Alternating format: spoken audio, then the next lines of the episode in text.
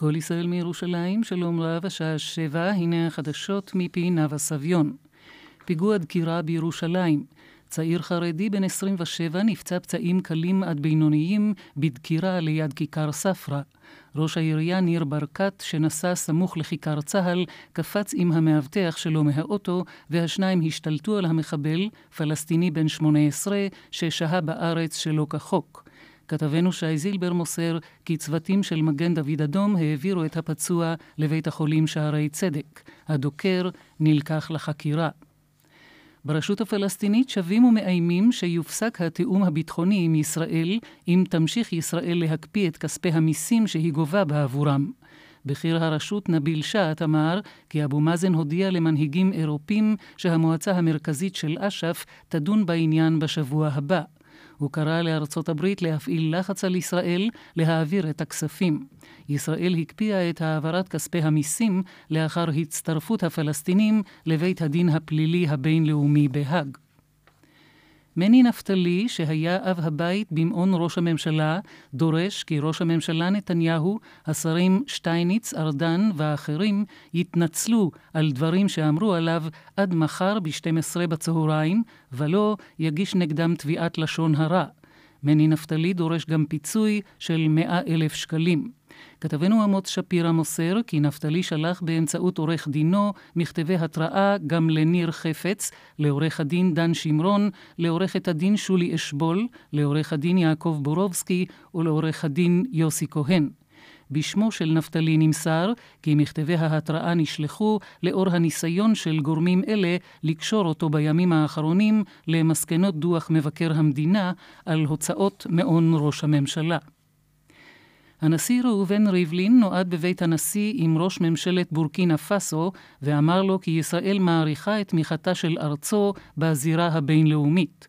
כתבנו בני דודקביץ' מוסר כי ראש הממשלה יעקובה אייזק זיידה הודה לנשיא ואמר כי ארצו תמשיך לשמור על הקשרים עם ישראל ולפתח אותם בדגש על הקשר הצבאי.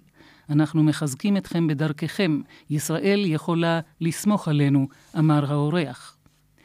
בחברת ישראל אומרים כי ההתנפלות של אחת הנוסעות בטיסה לוורנה, לאחר שהדייל סירב למכור לה שוקולד, אינה תופעה חדשה, וכי בעת האחרונה התרבו האירועים האלימים. אחד הנוסעים תיעד את האירוע והפיץ את הסרטון באינטרנט. מחברת ישראל, ישראל נמסר לכתבנו ניסים קינן כי החברה תמשיך לעשות הכל כדי להבטיח רמת ביטחון ובטיחות גבוהים בטיסות שלה. באזור הארנה בירושלים צפויים הערב שיבושי תנועה בשל משחק גמר גביע המדינה בכדורסל בין הפועל ירושלים למכבי תל אביב, שיהיה בשעה תשע. האוהדים יכולים לחנות חינם בחניון הגן הטכנולוגי ולבוא לאיצטדיון בהסעות. לא תתאפשר הגעה לציר בגין מרחוב יצחק מודעי. בתוך כך הורה ועד עובדי הרכבת לעובדים שלא להפעיל רכבות מיוחדות להסיע אוהדים מתל אביב למשחק בירושלים. בהנהלת הרכבת אומרים כי הרכבות יצאו וכי המנהלים יפעילו אותן. הנהלת הרכבת אומרת עוד כי אם ינסה ועד העובדים למנוע את הפעלת הרכבות, העניין יטופל.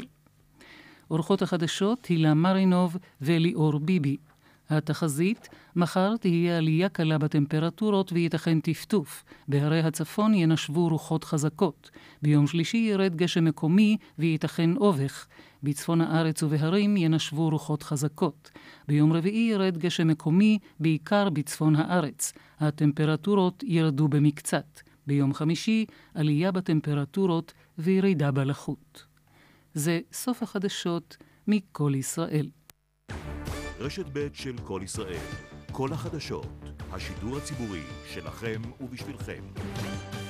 שבע וחמש דקות, כאן מיד דין ודברים, קודם לכן עדכון ממוקד התנועה שמביא איתן גור, בבקשה. ערב טוב קובי ברקאי, ערב טוב למאזינים. בדרך 6 לכיוון צפון עמוס מבן שמן למחלף אה, נחשון. דרך 79 עומס תנועה משמשית עד ציפורי. בדרך עכו נהריה עמוס מצומת שומרת לצומת נהריה.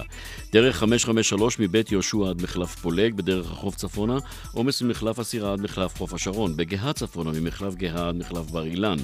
באיילון דרומה ממחלף רוקח עד לגוארדיה. צפונה ממחלף השלום עד... קק"ל. בדרך ארבע לכיוון צפון עומס תנועה מצור משה עד צומת השרון, דרך 3965, עמוס מצובה עד מבשרת ציון. בדרך תל אביב ירושלים, עמוס ממחלף שער הגה עד מחלף הראל, בשל תאונת דרכים, בכיווני הפוך, עמוס ממחלף גנות עד קיבוץ גלויות. בדרך תל אביב אשדוד, עמוס ממחלף השבעה עד ראשון לציון ובדרך 38.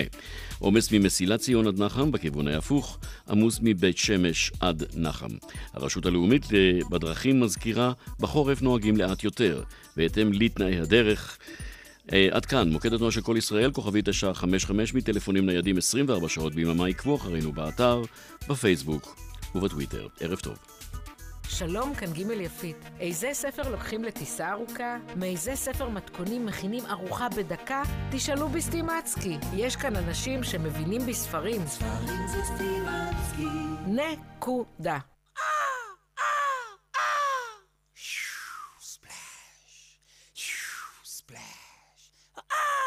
שלום לכם, אני ישראל פולנטה, מהאחים פולנטה. אתם בוודאי שואלים את עצמכם, מה הם הקולות האלה שאני עושה? אז זהו, אלה הקולות שתשמעו רק לאחר שתרכשו דירה בפרויקט הדגל של האחים פולנטה, פולנטה על הים, הבונבוניירה של המזרח התיכון. חפשו בגוגל, פולנטה על הים, רק רכבת ושני אוטובוסים מהתחנה המרכזית.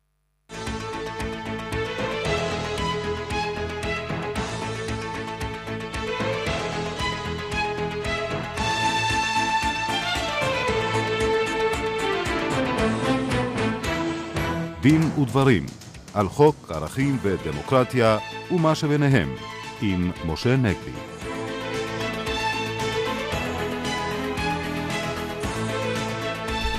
שלום לכם וערב טוב, עורכת התוכנית יורית ברקאי, בהפקה דפנה אברהם, טכנאי השידור שלנו חיים בריסקין. ליד המיקרופון משה נגבי וקובי ברקאי. האם ממצאי מבקר המדינה ועדותו של מני נפתלי במשטרה עשויים להניב אישומים פליליים? מיד נתייחס לכך. אנו מארחים באולפנינו את פרופסור אריה אלדד, בעבר ראש ועדת האתיקה של הכנסת, וכיום ראש חוג הפרופסורים לחוסן מדיני וכלכלי, וגם מגיש מתחרה בתחנת רדיו ללא הפסקה FM 103.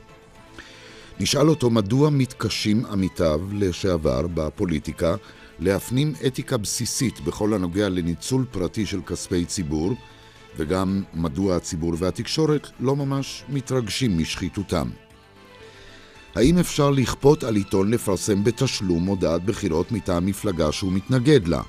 עמנו עורכת דין אלונה טולדנו ממרכז צדק לנשים, שמתלוננת בשם מפלגת הנשים החרדיות נגד עיתונים חרדיים שמסרבים לפרסם את מודעותיה. עורכת הדין טולדנו גם תספר לנו על עתירה לדיון נוסף בבית המשפט העליון נגד ביטול למפרע של גיור מקץ שנים ארוכות רק משום שהגיורת לא הקפידה על שמירת מצוות. עם אורחנו, המומחה לדיני מיסים עורך דין קובי כהן, לשעבר איש רשות המיסים, נדון בהיבטים הפליליים והמעשיים של חשיפת החשבונות החשאיים שמחזיקים עשרות אזרחים ישראלים בשוויץ. אבל נפתח כאמור בממצאי מבקר המדינה ובעדות מני נפתלי באשר להתנהלות בתי ראש הממשלה, האם הם עשויים להוביל לאישומים פליליים, משה? דבר אחד ברור, קובי, לפחות אה, כנראה היועץ המשפטי לממשלה חושב שהם עלולים להניב אה, אישומים פליליים, שאם לא כן, הוא לא היה מעניק למני נפתלי את אותה חסינות מפני אה, הפללתו על ידי אותה עדות שהוא מוסר אה, במשטרה. על פי הנחיות שקבעו קודמיו של אה, אה, יהודה ויינשטיין בתפקיד היועץ המשפטי לממשלה, אתה לא נותן חסינות מפני העמדה לדין פלילי לחשוד, אלא אם כן אתה יוצא מתוך הנחה שמה שהוא אומר עשוי להניב ראיות לעבירות פליליות חמורות יותר של אנשים בכירים יותר, שיותר חשוב לשפוט אותם ולהפליל אותם מאשר להפליל אותו. עכשיו, מי הם אותם יותר בכירים שהיועץ המשפטי חשב שמני נפתני עשוי אה, להפליל אותם בעדותו? האם מדובר באנשים בכירים יותר במנהלת אה, משרד ראש הממשלה? האם מדובר בבני הזוג נתניהו בכבודם ובעצמם? את זה כמובן אני לא יודע ורובנו לא יודעים, כי אנחנו לא מכירים את תוכן העדות, אבל ללא ספק, על פי הנחתו של היועץ המשפטי, בהחלט עשויים לעלות אה, חשדות פליליים ואישומים פליליים אה, נגד אותם אנשים, וזו הסיבה שניתנה החסינות. לפחות על פי מה שמני נפתלי טען לפני שהוא נכנס אה, לחקירת המשטרה, וגם על פי מה שפורסם אה, בדוח מבקר המדינה וגם במבוא לדוח אה, בהתייחסות של מבקר המדינה עצמו לכך שיש חשש לפלילים אה, באותה פרשה שמכונה פרשת הבקבוקים וכולי, בהחלט יכולות, יכולים לעלות פה, הייתי אומר, בעיקר שני סוגים של עבירות. קודם כל, עבירה של הפרת אמונים, כאשר איש ציבור משתמש במשאב ממלכתי, במשהו ששייך לנו, משלמי המיסים, שאנחנו מממנים אותו, לצורך פרטי שלו, זו הפרת אמונים קלאסית אה, על פי החוק הפלילי, וזוהי עבירה שדינה אה, שלוש אה, שנות מאסר. כמובן, אפשר לראות בזה גם עבירה של גניבה. כשאתה לוקח רכוש ששייך לציבור ועושה בו שימוש פרטי, אה, זוהי גניבה. כמובן, מוקדם לקבוע אם העבירות האלה, מוקדם מאוד לקבוע אם העבירות האלה אכן נעברו, אבל מה שלי ברור לפחות, ושמעתי לזה רמז, ואני בהחלט מסכים פה עם מפכ"ל המשטרה, בדברים שאמר אה, הבוקר מפכ"ל המשטרה בטקס אה, חלוקת דרגות, אין ספק שהעדות שמסר מני נפתלי וגם הממצאים אה, בדוח מבקר המדינה בוודאי שמחייבים בדיקה. אני אגב רואה במילה הזאת בדיקה מילה מכובסת שהיא עצמה משקפת איזה חוסר שוויון בפני החוק. משום מה כשמדובר באנשי מעלה מדברים על בדיקה ולא על חקירה, זה בהחלט מחייב חקירה, והייתי אומר בשלב ראשון זה בוודאי מחייב לזמן את אותם אנשים שמני נפתלי מטיח בהם את טענותיו אה, לגבי כך שהם אה, ביצעו לדעתו אה, לכאורה עבירות פליליות, לזמן אותם אנשים ולחייב אותם להגיב על הדברים. כמובן הם גם זכאים, לצערי אולי, כי אנחנו יודעים שלצערנו המצב הוא שגם אנשי ציבור עדיין זכאים לשמור על זכות השתיקה, אבל לפחות לתת להם את ההזדמנות להגיב על אותם דברים, לחקור אותם לגבי אה, אותם האשמות. זה היה צריך להיות מובן מאליו בכל מדינת חוק. לצערי זה לא מובן מאליו במדינת ישראל של שנות האלפיים. אנחנו זוכרים כיצד בפרשת ביבי טורס היועץ המשפטי, על פי הודעה מפורשת שהוא מסר לבג"ץ, ודי הפתיע אותי, אני חייב לומר, אה, בא ואמר שהוא לא ביקש מנתניהו להגיב בעצמו על הטענות בעניין ביבי טורס, אלא הסתפק בזה שהסנגור שלו הגיב בשמו. כבר אמרנו פה שזו התנכרות והתכחשות למבחן בוזגלו לשוויון בפני החוק.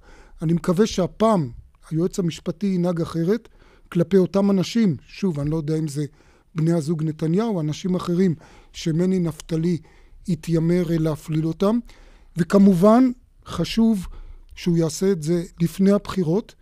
הציבור זכאי לדעת לפני הבחירות עד כמה יש או אין בסיס לדברים.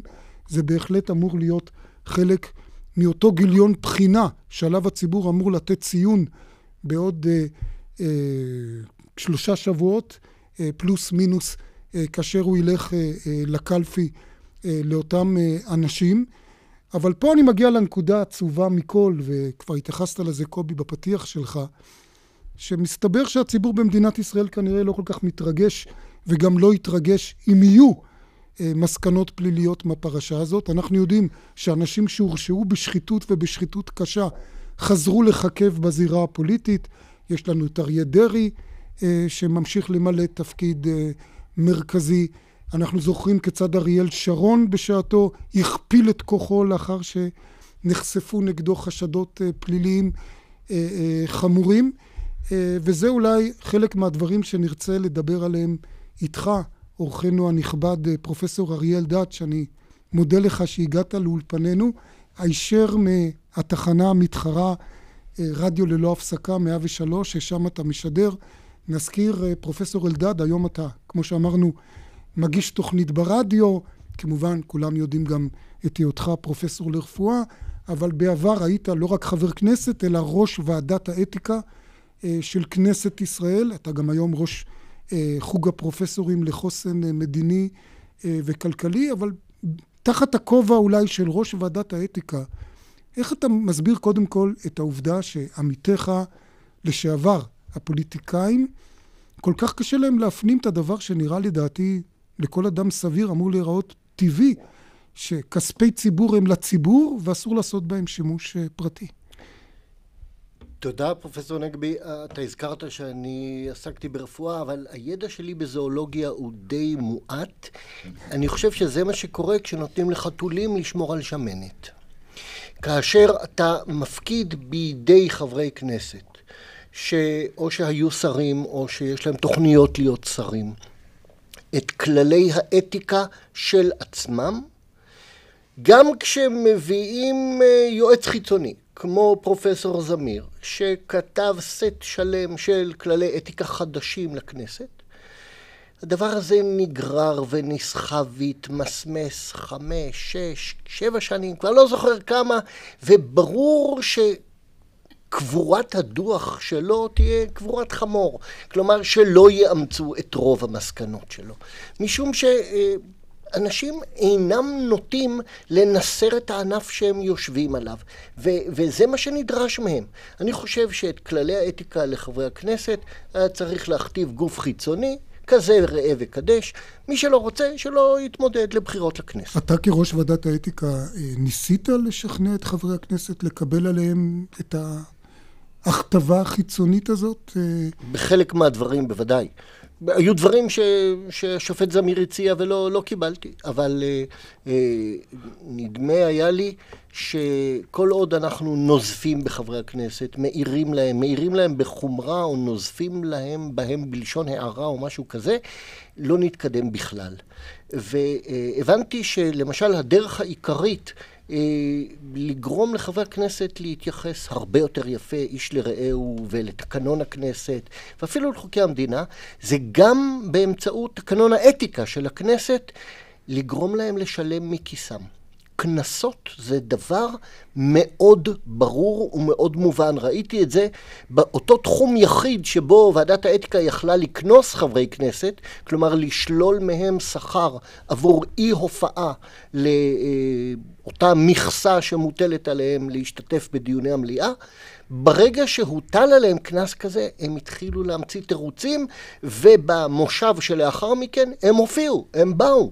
התופעה נעלמה ברגע שהוטלו קנסות. אבל עוד פעם, אני חושב שבאמת המפתח הוא לכך שגם אם נגיד תקבע סנקציה כזאת, שמי שיקבע אם הסנקציה תחול או לא, זה לא יהיו חברי הכנסת עצמם, אלא גוף לא, חיצוני. לא, זו יכולה להיות כן. ועדת, ועדת האתיקה של הכנסת, זה בסדר שתיבחר מטעם כן. חברי כנסת. יש בכנסת מספיק אנשים ישרים והגונים, שכשהדיונים של הוועדה סגורים וחסויים ולא אכפת להם גם לצלוב את חבריהם, להפך, לפעמים יש להם הנאה מיוחדת לצלוב את חבריהם, אז זה יכול לקרות. זה קורה גם בהסתדרות הרפואית, זה קורה בגופים שונים שמנגנון המשמעת, האתיקה, נתון בידי האנשים, בניגוד אה, אה, לעבירות פליליות, שבוודאי זה צריך להיות גוף חיצוני. אה, אתה הזכרת את האמרה אה, שלא נותנים לחתול לשמור על השמנת, אני נזכרתי באמרה שהרבה להשתמש בה לוי אשכול המנוח, לא תחסום שור בדישו.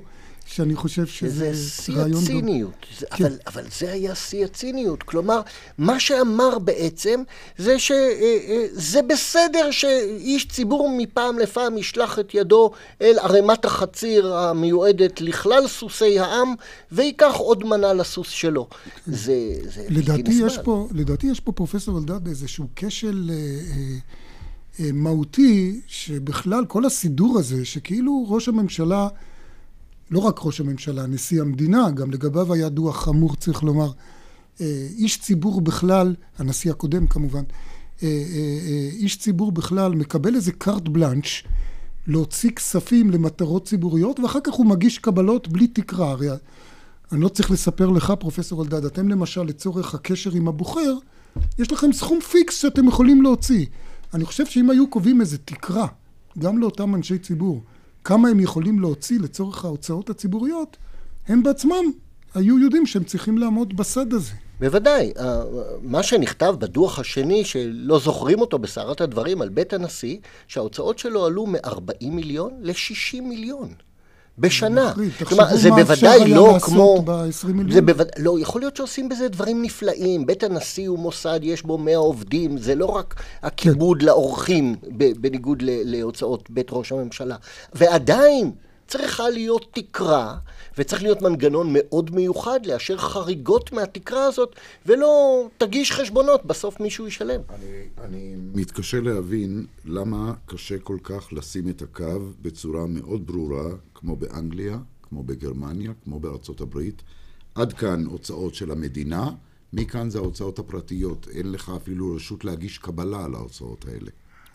זה לא קשה. המחוקק בחר לאשר לראש הממשלה ולנשיא... לא רק עמימות קונסטרוקטיבית, אמרו, ההוצאות שלך ב, ב, במעון הרשמי שלך ובביתך הפרטי, כיוון שאתה מארח, כיוון...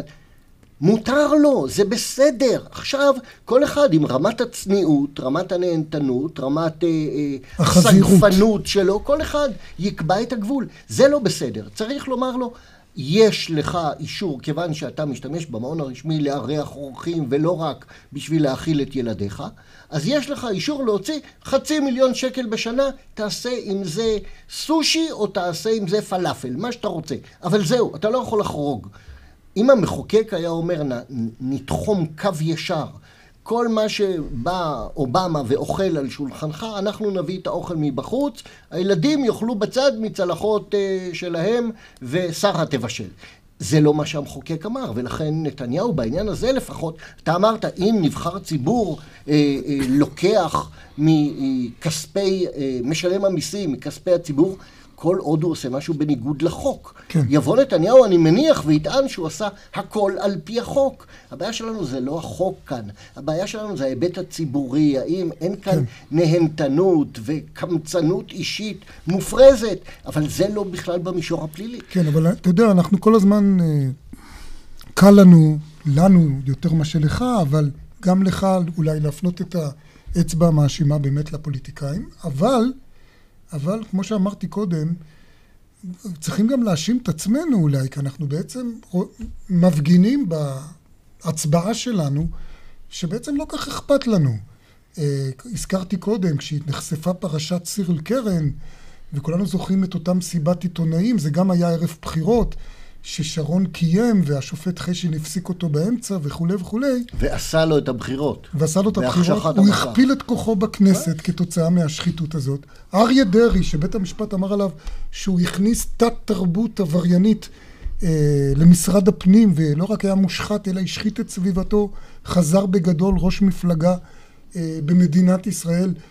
בבחירות הקודמות כל מדינת ישראל עצרה את נשימתה אם אהוד אולמרט יחזור או לא יחזור להנהיג את קדימה, כולנו זוכרים את זה. איך אתה מסביר את הדבר הזה? ואני, ואני רוצה לומר, פה, פה נדמה לי שיש נסיגה, משום שאני זוכר שבזמנו ראש ממשלה יצחק רבין אה, הלך הביתה בגלל חשבון דולרים אה, שהוא החזיק שלא כדין, נושא שאנחנו נחזור אליו אחר כך אולי בצורה אחרת עם עורך דין קובי כהן. אה, אה, איך אתה מסביר את האדישות הציבורית היום, אולי להבדיל מהעבר לשחיתות? זה כאילו לא... ראינו גם לפי הסקרים שכנראה שנתניהו, הליכוד, לא נפגעו מכל הפרסומים האלה. אני חושב שכיוון שראינו מושחתים משמאל ומימין ומהאמצע, ראינו מושחתים מקדימה ומהליכוד ומפלגת ומאחורה. העבודה, ומאחורה ומש"ס, ראינו, ראינו אותם בכל מקום. נוח גם לציבור וגם לפוליטיקאים לומר, בעצם כולם מושחתים, תעזוב אותנו. כולם מושחתים, כולם גנבים, וברגע שאמרת את זה, פטרת את עצמך מהכרעה, כי אתה אומר, אם כולם מושחתים, אז אני רוצה את מי שינצח עבורי במלחמה או יוריד בשבילי את מחירי הדיור, ולא כך אכפת לי אם הוא מושחת. בטח אם זה לא פלילי, אלא רק סתם נהנתנות אה, אה, מנקרת עיניים. ו- ואת הדבר הזה צריך להכחיד, את האמירה הזאת, כולם מושחתים, בזה צריך להילחם. כי אם לא נילחם בזה, כולם קיבלו פטור. כן, זה בהחלט עצוב שהידרדרנו ממושחתים נמאסתם לכולנו מושחתים.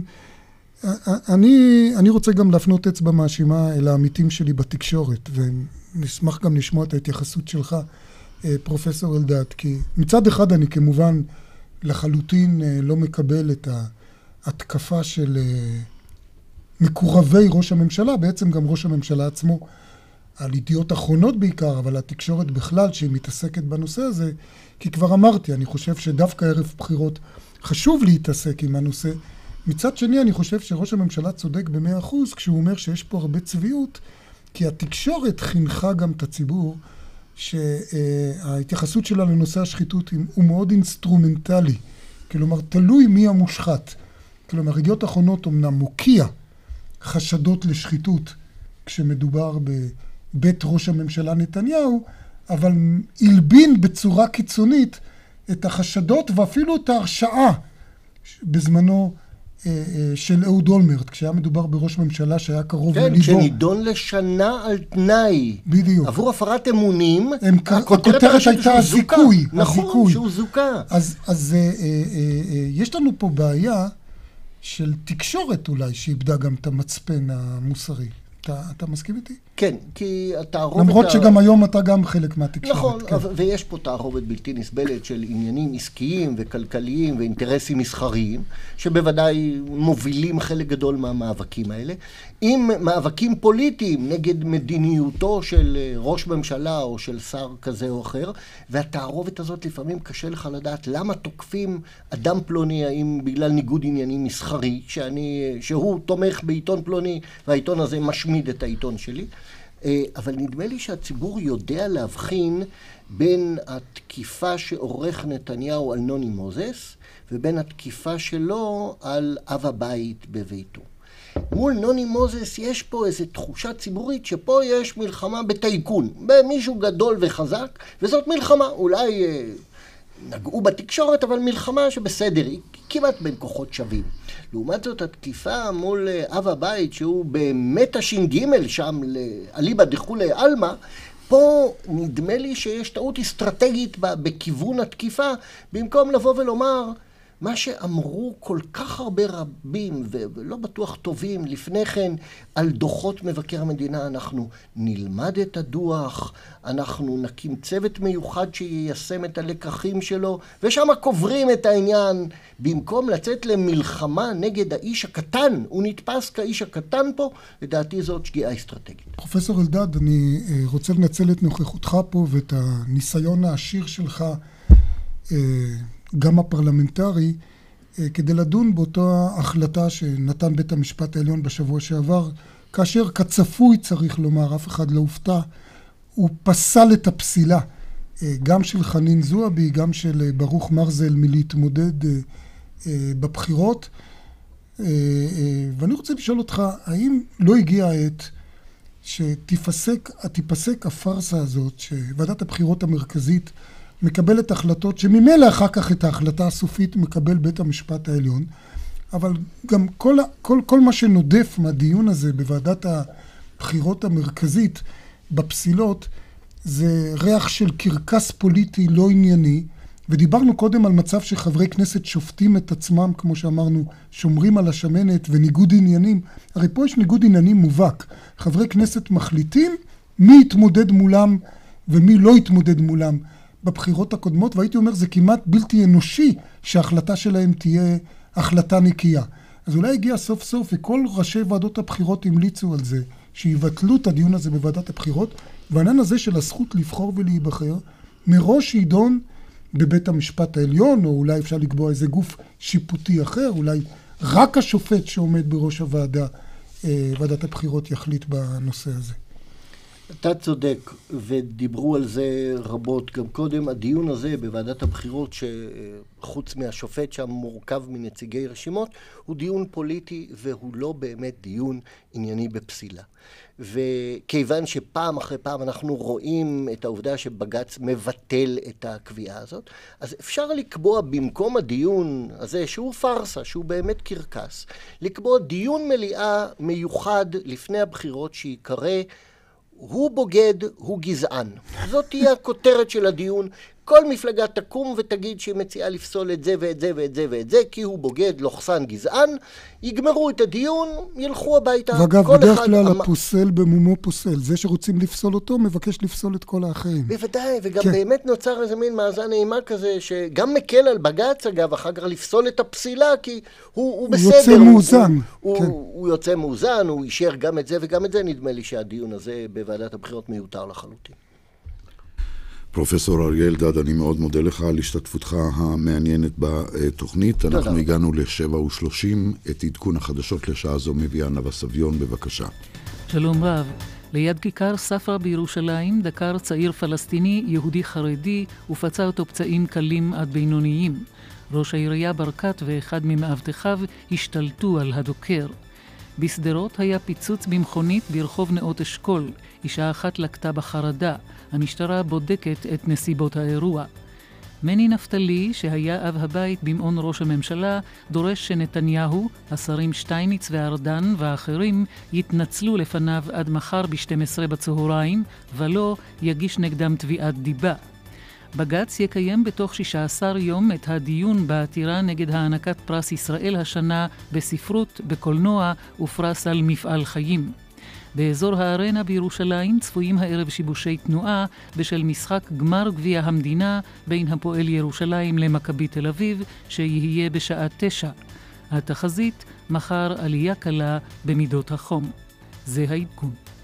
גמר גביע המדינה בכדורסל בפעם הראשונה בארנה בירושלים, ובפעם הראשונה יעניק אותו נשיא המדינה ראובן רובי ריבלין. השאלה רק למי? הפועל ירושלים או מכבי תל אביב? את התשובה נשמע הערב. יואב אביב ישדר מהארנה בתשע, ברשת ב'. שימו לד, שימו לד. נורת לד שבמבצע בעשרה שקלים, ועוד מגוון פתרונות לד במחירים משתלמים. חודש פברולד, מחסני תאורה. חגיגת פסח בפנדור, מחדשים את הבית ביום אחד. מחליפים את כל דלתות הפנים במחיר מיוחד, 1,250 שקלים לדלת, כולל הכל, והבית שלכם נראה חדש. פנדור, חברת הדלתות הגדולה בישראל, כפוף לתקנון. שלום, כאן ג' יפית. איזה משחק מפתח חשיבה לילדים? במה כדאי לשחק כשמארחים חברים? תשאלו בסטימצקי. יש כאן משחקים נהדרים לילדים. ספרים זה סטימצקי. נקודה. הנה עוד דרך למציאת אהבה. התקשרו, פיתחו תיבה קולית שבה תספרו על עצמכם, ובתוך זמן קצר תוכלו לקבל הודעות מכל מי שירצה להכיר אתכם. חייגו, 1-950-5050, לאבמי, 1-950-5050. בעלות שיחה ברשת המנוי ליעד תוכן בתוספת 50 אגורות לדקה. גם עדשות מולטיפוקל הן מוצר בסיסי. חתכנו את מחירי המולטיפוקל בישראל. עכשיו באופטיקה הלפרין, זוג עדשות מולטיפוקל, 599 שקלים בלבד. אופטיקה הלפרין, הזולים במדינה. שלום, כאן ג' יפית. איזה ספר לוקחים לטיסה ארוכה? מאיזה ספר מתכונים מכינים ארוחה בדקה? תשאלו בסטימצקי. יש כאן אנשים שמבינים בספרים. ספרים זה סטימצקי. נקודה. פנדור, חברת הדלתות מספר אחת בישראל.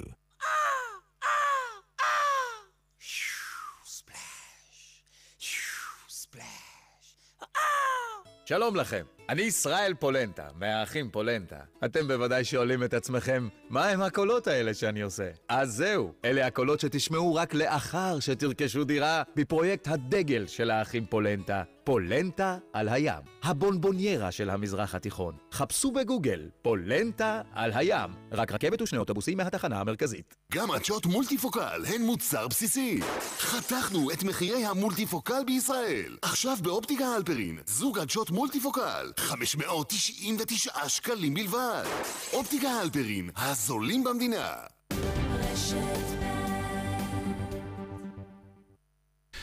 שבע שלושים ושלוש דקות, כאן בבית, חזרנו עם דין ודברים. עורכת הדין נעמי טולדנו, ממרכז צדק לנשים, מה עשיתי לא בסדר? אלונה. בשם? אלונה. סליחה, אלונה טולדנו. ממרכז צדק לנשים, אתן אה, מייצגות את המפלגה החדשה של נשים חרדיות ובזכותן. ביקשתם לחייב עיתונים חרדים לפרסם את המודעות של החוג שלכם, של המפלגה שלכם, של איך שתקראו להתארגנות הזאת. בינתיים זה הגיע לפני אה, אה, נשיא בית המשפט העליון לעתירה כיושב ראש ועדת הבחירות המרכזית. הוא דחה את העתירה, אבל הוא המליץ בחום שתפנו עם זה לבית הדין הגבוה לצדק. אפשר לדייק את, ה... ב- את הכל. הסיפור? אוקיי. מפלגת בזכותן, שזו לא אני, אלא אה, כמה נשים פורצות דרך בחברה החרדית, נאלצה להתמודד בבחירות לכנסת אחרי שכל הדרכים נחסמו בפניהם. המפלגות החרדיות לא הסכימו להכניס נשים לתוך הרשימות שלהם. בג"ץ דחה עתירות למנוע מימון מפלגות ממפלגות שמדירות נשים. אה, ובהיעדר אלטרנטיבה הם הקימו מפלגה משל עצמן ומריצות את עצמן לכנסת. אבל קהל הבוחרים שלהם הוא חרדי, והעיתונות החרדית לא מסכימה לפרסם הודעות בשמם, וגם uh, חברות הפרסום של שלטי החוצות לא מסכימות לפרסם שלטים שנושאים את שם המפלגה. אגב, אז... מה לגבי האתרים uh, באינטרנט החרדיים? הם... אתרי אינטרנט זה יותר, זה יותר פשוט מן הסתם, כי יש ריבוי אתרים, אבל מצד שני, חלק נכבד מהציבור החרדי לא בכלל לא מחובר, לא, לא מחובר כן. לאינטרנט. וזה לא רלוונטי אליו. אז יש לנו פה חברה שכדי לקבל נגישות אליה צריך לעבור דרך העיתונות הרלוונטית, והעיתונות הרלוונטית מסרבת לידע את החברה אודות המפלגה שמתיימרת לייצג את הנשים בתוך החברה הזו. אז היא יתרה לוועדת הבחירות המרכזית, והשופט סלים ג'ובראן, שהוא יושב ראש הוועדה המרכזית, דחה את העתירה מטעמי חוסר סמכות, כי הסעיף בחוק של, עליו התבססנו דיבר יותר על השכרת מקומות ציבוריים ופחות על העיתונות, אבל הוא אמר שעל פניו העתירה מגלה עילה של אפליה, ואפשר להתבסס פה על החוק אה, איסור אפליה במוצרים ושירותים ולהגיש תביעה לבית המשפט הרלוונטי. כן, אני רוצה אולי אה, אה, להזכיר למאזינים שבוודאי לא בקיאים בעניין הזה, ש... או לציין שמתעוררת פה שאלה כמובן מאוד עקרונית, וקובי קודם התייחס לזה, שהיא מעבר לנושא הספציפי החשוב של הנשים החרדיות, וזו השאלה באיזו מידה אתה יכול לחייב כלי תקשורת פרטי לפרסם מודעה בתשלום שסותרת את העמדות שלו. נכון. אה, למשל, אה, אה, עכשיו, עכשיו, היו כמה פסקי דין בנושא הזה. דווקא בבית המשפט המחוזי בירושלים. אני, אני רוצה ברשותך, משה, כאן, אני אקרא מתוך החלטתו של השופט סלים ג'ובראן, כן. ואני מודה לך על התיקון שלא לבית המשפט העליון, אלא לבית משפט שעוסק שלא יש את מקור הסמכות, אבל כך הוא כותב: דין העתירה להידחות על הסף עקב קיומו של סעד חלופי. על פניו נראה כי המסלול המתאים לבירור טענות העותרות הוא בהגשת תביעה בהתאם לחוק איסור אפליה לבית המשפט המוסמך.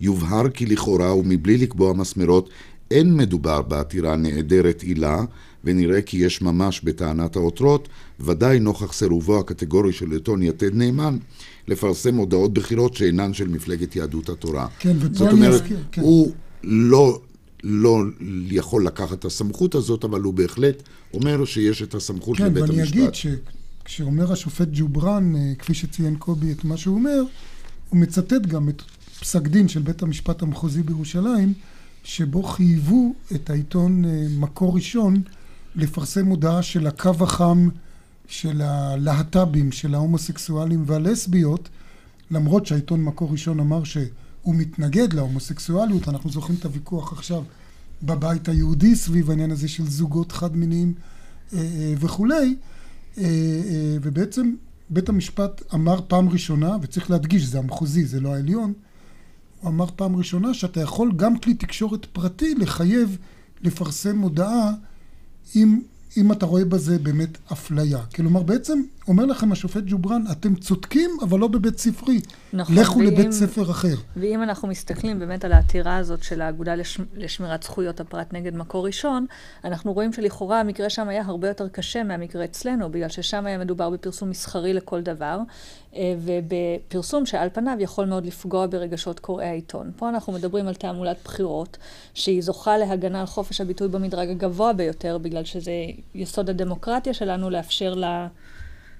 יסוד הדמוקרטיה שלנו לאפשר לאנשים להביע את דעתם כדי להתמודד בבחירות דמוקרטיות, ופה המניעה היא לא על פרסום משהו שעלול לפגוע ברגשות הציבור, אלא על יידוע ציבור באחד הנושאים המהותיים ביותר לבחירות שהוא צריך לעשות כשהוא ניגש לקלפי.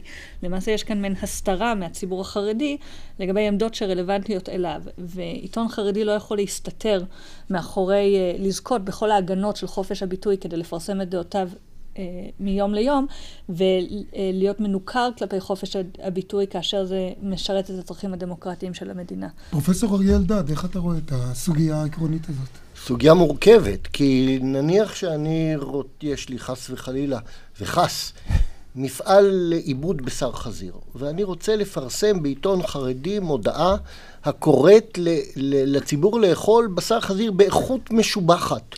מהמפעל שלי. לא יעלה על הדעת שהעיתון יחויב לפרסם תועבה מהסוג הזה. ולכן אני חושב שאומנם צריך להיות אה, אה, הזדמנות שווה ואסור להפלות בשירותים, אבל יש גבול לכל דבר. כן, אבל אה, את בטח תגידי, עורכת הדין טולדנו, שפה באמת ההבדל הוא שהפרסום הוא לא מסחרי טהור. הפרסום הוא לא מסחרי בכלל. אלא נועד לבטא עמדה בוויכוח הפוליטי. נכון, לצורך העניין, עמדה פוליטית שקוראת לאנשים להתאסלם. כן. אי אפשר לחייב עיתון חרדי לפרסם מודעה מטעם התנועה האסלאמית, פוליטית, ואני תומך בעמדתה אגב. כן. כלומר, אני חושב שאת צודקת וצריכים לאתר, לתת לכם לפרסם שם, אבל אני מבין את הסתירה המובנית. הסתירה המובנית היא, היא, היא ברורה לכולם. ההשקפה החרדית היא חד משמעית, ואנחנו לא, אנחנו מכירים בזה שלחרדים קשה לשמוע שיש אנשים שסוטים מהשקפת עולמם, ועם זאת השופט ברק אמר שההגנה על הפרט, אה, על יכולתו לסרב לפרסם דברים ועל יכולתו לסרב להתקשר עם אנשים אחרים, הולכת וקטנה ככל שאתה יוצא מהספירה הפרטית לספירה הציבורית. הדוגמה שהוא נתן, הוא אמר שאנחנו נגן ביתר שאת על סירובו של אדם להשכיר חדר בדירתו, ובמידה פחותה נסרב להגן, נסרב להגן על עיתון ציבורי שהוא נתן על דוגמה... בעל אולם על ש... בעל מסעדה שמסרב לקבל קונה. או על בעל אולם אז... שרוצה, אה, מסרב להשכיר לתנועה נכון, פוליטית. נכון, אז, אז תנועה פוליטית שלא יכולה לעמוד על הבמה ולהביע את עמדתה, צריכה לזכות להגנה נרחבת יותר מאשר מישהו שרוצה לפרסם מוצר כגון חזיר או כל מוצר אחר. אני יכול לספר לך מה עשו לי כשרציתי לפרסם איזו מודעה שלא מצאה חן בעיני עיתון מסוים. פשוט תקעו לי מחיר פי עשר מאשר לעמותות שנראו ביניהם. גם הם בוודאי יעשו את אותו דבר. זה בדיוק מה שקרה גם פה. כן, כן. אה, עורכת הדין טולדנו, אה, אמר קובי שבעצם השופט ג'ובראן אה, ממש הזמין ועודד אתכם לפנות לבית המשפט, בהסתמך על התקדים הזה של מקור ראשון ו... אגודת, האגודה לזכויות הפרט, אגודת הלהט"בים, זכויות הלהט"בים. אתם מרימים את הכפפה? אתם תלכו לבית המשפט? אני חושבת שבהחלט כדאי להרים את הכפפה. בתור בכוח זה לא תלוי בי, זה תלוי במפלגה עצמה כן, ומה הן תחלטנה לעשות. אפשר לבקש, אפשר לבקש דיון מהיר, אני חושבת שתחת הנסיבות אפשר. אני מבין שלא קל למפלגה לנהל את המאבק הזה, כי היא נכון. חלק מהקהילה. מדובר ויש... בנשים שהן באמת חלק מתוך קהילה חרדית, וכל צעד שהן עושות זוכות, זוכה לביקורת ויש ול... בו סיכון מסוים. ולכן ההחלטה שלהם אם לעשות, הם כבר עשו את הצעד האמיץ בכך שהם הקימו מפלגה. האם הם יעשו צעד נוסף ויתבעו פיצויים מעיתונים שלהם שמדירים אותם? זה אנחנו נצטרך לחכות ולראות. אני רוצה לנצל את ההזדמנות שאת נמצאת כאן, עורכת הדין אה, אלונה טולדנו, לדבר על גיור שנפסק אה, שהוא לא גיור, מה שנקרא, למפרע. הסיפור בכמה מילים, אה, מישהי עברה גיור כדין, כהלכה, וכשבעלה החליט להיפרד ממנה, הוא הלך וכאילו... לא? לא, לא בדיוק, אני יכולה... אז בבקשה. לתת את הנסיבות. מדובר באישה שהתגיירה, התחתנה אחר כך כדת משה וישראל, ואחרי שהתחתנה כדת משה וישראל, היא רצתה להיפרד מבעלה. ובעלה אמר לה, אם כך אני אלך ואבטל את הגיור שלך. אה, וכך עשה. הלך לבית הדין שגייר אותה, אמר, אשתי לא שומרת מצוות אה, אה, ברמה מספקת, היה לו כל מיני הוכחות וזה, וזימנו אותה לפניהם ודנו בביטול גיורה. ונתנו פסק דין שהיא ספק יהודי. אה, הפסק דין היה מעניין במיוחד, כי הם אמרו, אסורה להינשא ליהודי ואסורה להינשא לגוי. כלומר, יש כאן זאת אישה... זאת אומרת, היא יכולה רק... אה, שתישאר ערירית. מתחום הזואולוגיה. כן, כל, כל ימי חייה. אה, והאישה הזאת ערערה לבית הדין הרבני הגדול. זה היה לפני הרבה שנים, לפני שהיו תקנות כן, בעניין כן. הזה, שום דבר. ובית הדין הרבני הגדול פשוט ישב על המדוכה, עשר שנים לא נתן פסק דין בעניינה, השאירו אותה במעמד ספק. ולבסוף היא פנתה לבג"ץ, ואנחנו טענו שבית הדין ש... קרא לה לביטול גיור, בכלל לא מוסמך לבטל גיורים, כי אין שום חוק גיור בישראל, אין לו סמכות מטעם המדינה אה, לקרוא למישהו לפניו, לזמן אותו, לחקור אותו ולבטל את הגיור שלו. אבל אה, בית המשפט העליון פסק בעתירה ש... שלמעשה עם מישהי שלא שומרת מצוות, אפשר ללמוד מזה על כוונה לרמות את בית הדין, וניתן לבטל את הגיור שלה אה, בטענת תרמית, כמו כל פסק דין שניתן לבטל את תרמית. ואתם עכשיו מבקשה דיון נוסף בהחלטה הזאת. אנחנו ביקשנו דיון נוסף בבית המשפט העליון. הצטרפו אלינו עוד כמה ארגונים שרוצים גם הם להצטרף. אה, אה, מכירים את קולך כן, ואת... כן. כן. נאמני תורה ועבודה, ועיתים שמתעסקים הרבה בגיור. צריך לציין, רוצים... ארגונים אורתודוקסים גם. אה, בח, בחלקם ארגונים אורתודוקסים, בחלקם ארגונים שמגינים על זכויות נשים, כי כל המתגיירים, אה, בחלקן הגדול הם מתגיירות, נכון? אה, והכוח שיש כרגע גם... ואנחנו מגלים פה עוד קלף סחיטה שיש בדיוק. לגבר מול אישה, הכ... בגלל, אני רוצה לשאול אותך עוד פעם, פרופסור אלדד, בקיצור, אתה, אתה לא חושב ש... יש פה החמצה נוראה שנתנו את הכוח הזה למערכת הדתית אה, לבוא וליצור, אה, לכפות חוק שהוא כל כך מפלה כלפי נשים.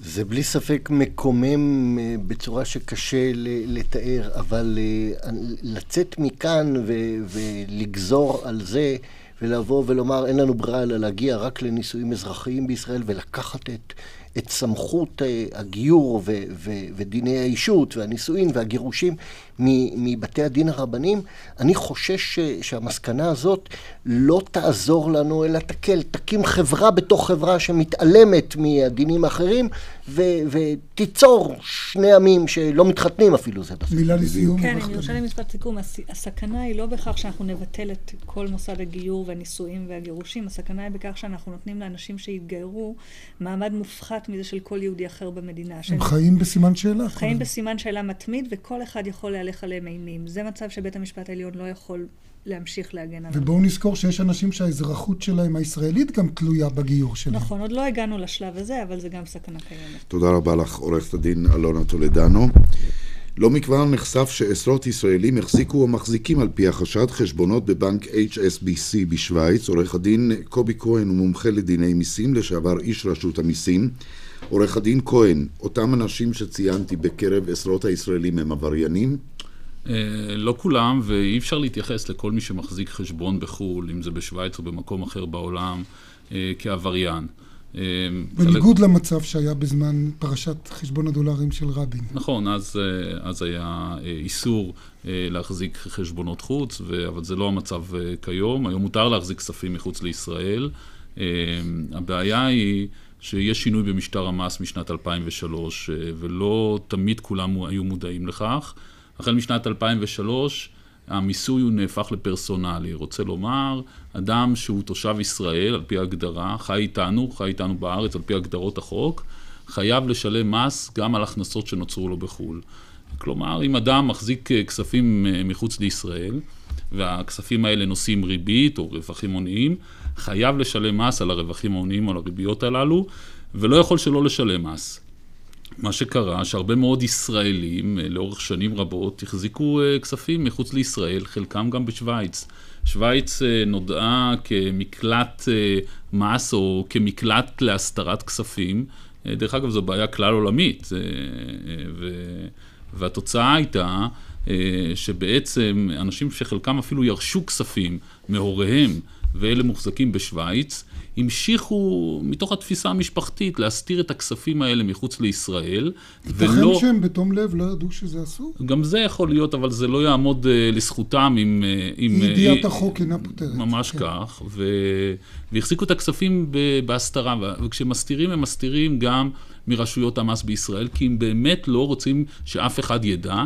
אה, השוויצרים אפילו נתנו חשבונות מיוחדים, קוראים לזה חשבונות מספר. היו מספרים כדי לא לגלות את השם, שכך שאם מישהו ייפול לידיו החשבון הזה, הוא לא ידע שמדובר בפלוני אלמוני. עכשיו, אנחנו יודעים אה, שנוצרה פה איזושהי תנועת מלקחיים לא פשוטה. שזה אומר... אה, מכמה כיוונים. אחד, העולם מתעורר, ארה"ב מובילה בתהליך הזה, והיא איננה שבעת רצון מהעובדה שהשוויצרים אה, הסתירו כספים של אזרחים אמריקאים וסייעו להם בכך אה, בהעלמת הכנסות אה, ויזמה מהלכים, ואותו דבר אנחנו כמדינת ישראל, אנחנו, הגיע אלינו, או לרשויות המס בישראל, הגיעו הרבה מאוד מידעים על תושבי ישראל שמחזיקים חשבונות בחו"ל.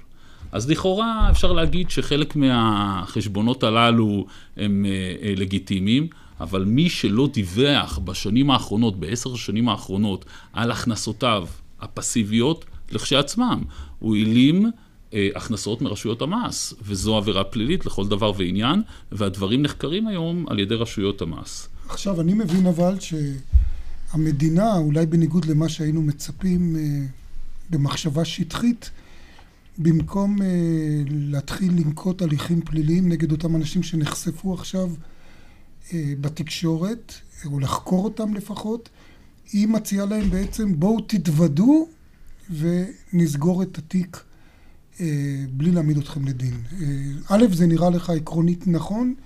אה, מה דעתך בעצם, גם כמי שהיה בשעתו בצד של אוכפי החוק? צריך לזכור, אה, צריך לזכור שבסופו של דבר, אה, עד כמה שזה יישמע מוזר, האמצעים של המדינה לטפל בעברייני מס היא מאוד מאוד מוגבלת. כלומר, בידי רשויות המס מוחזקים כבר היום מידע על אלפי ישראלים, אולי, אולי קצת פחות, אבל בסכומים, בכמויות מאוד גדולות, של, שכאלה שמחזיקים חשבונות בחו"ל. אז למה לא חוקרים? למה לא שמענו על החקירה הגדולה שמתפרצים בבת אחת למאות אה, אה, בתי האב בישראל שידועים שמחזיקים?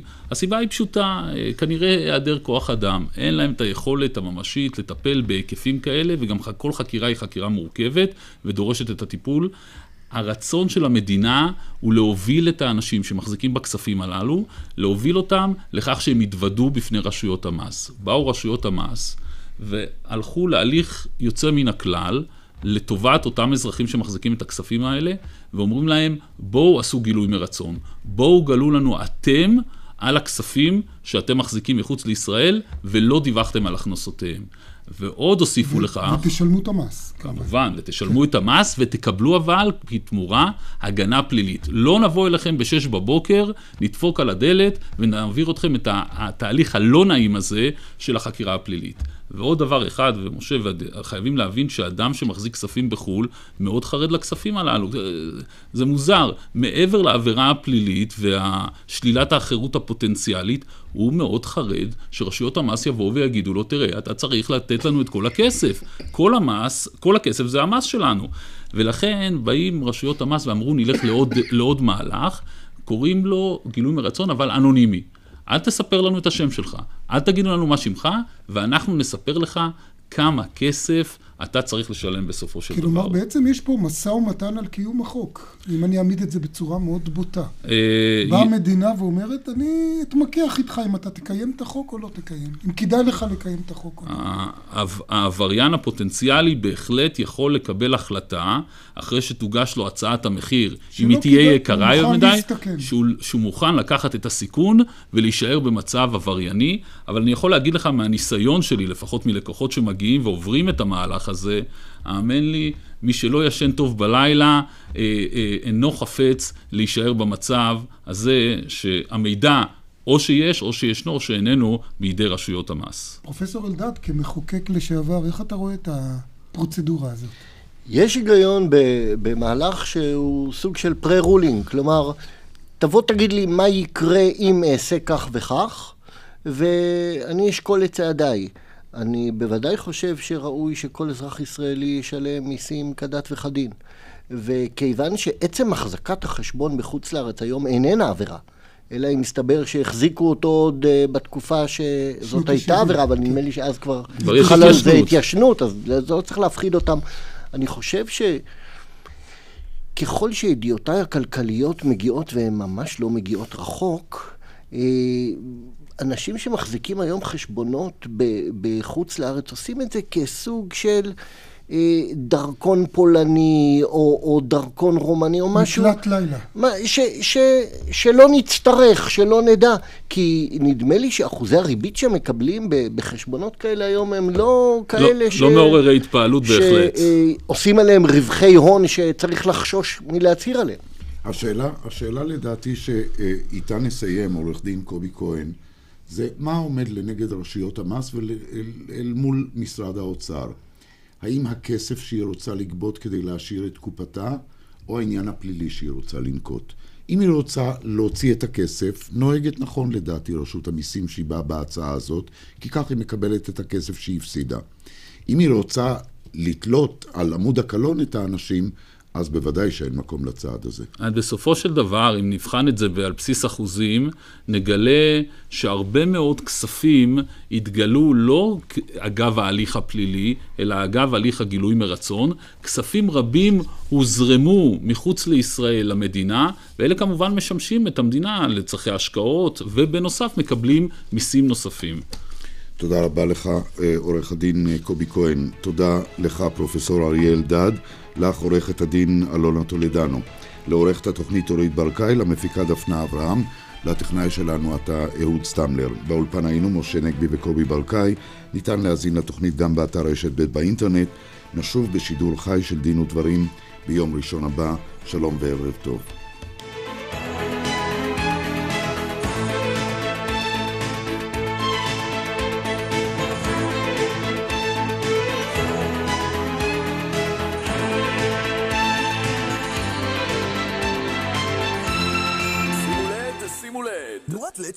שבמבצע בעשרה שקלים, ועוד מגוון פתרונות לד במחירים משתלמים. חודש פברולד, מחסני תאורה. כן, במחסני חשמל אפשר גם לקבל את המחיר הנמוך ביותר, וגם ליהנות מהשירות הטוב ביותר. עובדה, רשת מחסני חשמל זכתה שוב בגביע הזהב ובמקום הראשון על שביעות רצון הלקוחות מטיב השירות. פסח בפנדור, מחליפים את כל דלתות הפנים מ-1250 שקלים לדלת, והבית נראה חדש. פנדור, חברת הדלתות הגדולה בישראל, כפוף לתקנון. גם עדשות מולטיפוקל הן מוצר בסיסי. חתכנו את מחירי המולטיפוקל בישראל. עכשיו באופטיקה הלפרין, זוג עדשות מולטיפוקל, 599 שקלים בלבד. אופטיקה הלפרין, הזולים במדינה. שלום, כאן ג' יפית. איזה משחק מפתח חשיבה לילדים? במה כדאי לשחק כשמארחים חברים? תשאלו בסטימצקי. יש כאן משחקים נהדרים לילדים. ספרים זה סטימצקי. נקודה. אחינו, כן, כן, אתה שידעת איך ייגמר אתמול הפועל חיפה נגד מכבי תל אביב ולא שלחת ווינר. מה? הידעת ולא שלחת? דאבל, תירגע, במחילה ממך.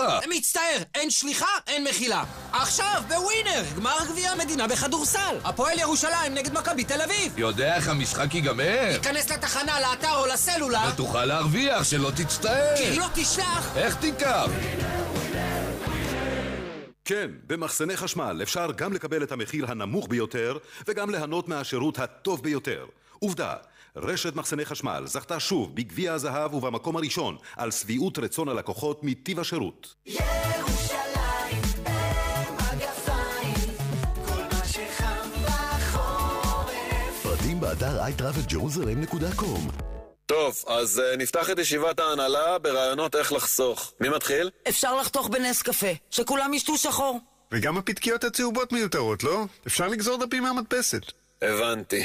עוד מישהו? מנהל יקר, יש דרך פשוטה יותר לחסוך. הצטרף למהפכת הסלולר העסקי של הוט מובייל ותוכל לשלם מ-15 שקלים לחודש בלבד למינוי ללא הגבלה. עברו עכשיו ותחסכו כוכבית 2211. הוט מובייל, על פי תנאי התוכנית המחירים אינם כוללים מע"מ. אנחנו באוטוסנטר בודקים הכל לפני שאנחנו מוכרים לך פורד פוקוס. אתה, אל תקנה בלי לבדוק אותנו. רק באוטוסנטר, פורד פוקוס עם שלוש שנות אחריות לגיר ולמנוע. אוטוסנטר, כוכבית 2332, כפוף לתקנון. פסח בפנדור, מחליפים את כל דלתות הפנים מ-1250 שקלים לדלת, והבית נראה חדש. פנדור, חברת הדלתות הגדולה בישראל, כפוף לתקנון. שלום לכם, כאן יעקב אילון. לא לשכוח, הערב בשמונה אתם מוזמנים להצטרף אליי למהדורת מבט בערוץ הראשון. יהיה מעניין, וגם רואים HD.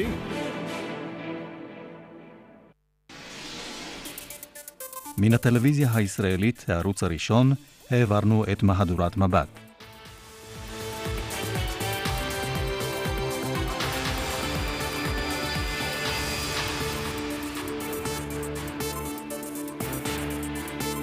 רשת ב' של כל ישראל.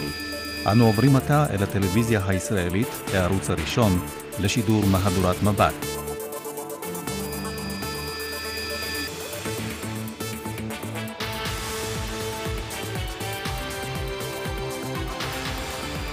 דקירה בירושלים, פצוע קל, ראש העירייה ומאבטחו היו במקום. לא חשבתי פעמיים, יחד עם אסף התנפלנו על הבחור, הכנענו אותו למטה. וידאנו שהוא מנוטרל, פרשת ההוצאות של בני הזוג נתניהו, מפכ"ל המשטרה אומר שהיועץ המשפטי לממשלה יחליט, אבל הוא כבר מגלה מה הוא חושב. על פניו יש כאן מקום לבדיקה, אבל צריך שהיועץ המשפטי לממשלה יקבל את ההחלטה. המנהיג הרוחני של ש"ס, הרב שלום כהן, מצפצף על ההמנון הלאומי. לא רצה שהשיר הזה המטומטם הזה ישפיע עליו משהו. זהירות שעלת, שלושה תינוקות מתו משעלת בחורף הזה, עלייה של 40 אחוזים במקרה השעלת, ומה עם החיסונים? כך נראית ההתנפלות של נוסעות על הדייל בטיסת ישראייר בגלל השוקולד.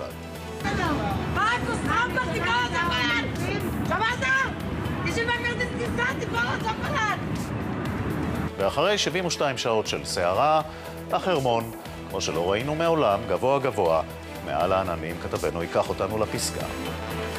ולקראת האוסקר הלילה, כל האפשרויות פתוחות גם לסרט היחיד מישראל, איה. מבט לחדשות.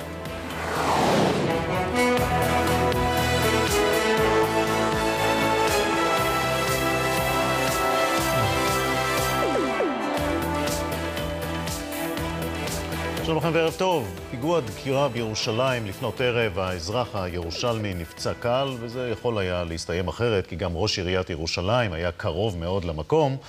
הנה הדיווח של כתבתנו ורד פלמן.